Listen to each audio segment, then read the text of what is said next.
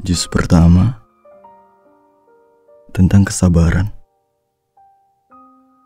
1946 1960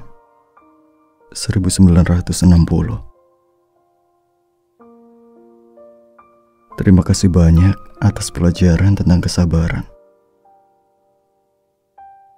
Bapak,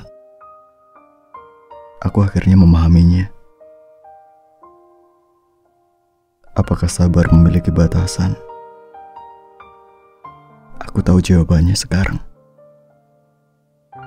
Ketika kebencian, dendam kesumat sebesar apa pun akan luruh oleh rasa sabar. Gunung-gunung akan rata, lautan akan kering. Tidak ada yang mampu mengalahkan rasa sabar.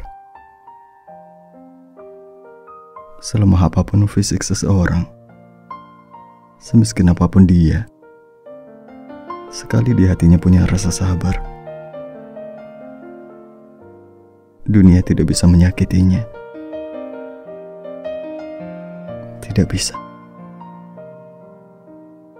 Terima kasih banyak untuk tempat yang telah mengajarkan pelajaran ini. Di sini, di tempat di mana rumah-rumah saling bersinggungan atap, tiada tanah, rumput, apalagi pepohonan yang terlihat oleh elang yang terbang tinggi. Di sini, di mana rumah-rumah yang tumbuh dari atas permukaan laut, perahu tertambat di tiang-tiang dan kambing-kambing mengunyah kertas.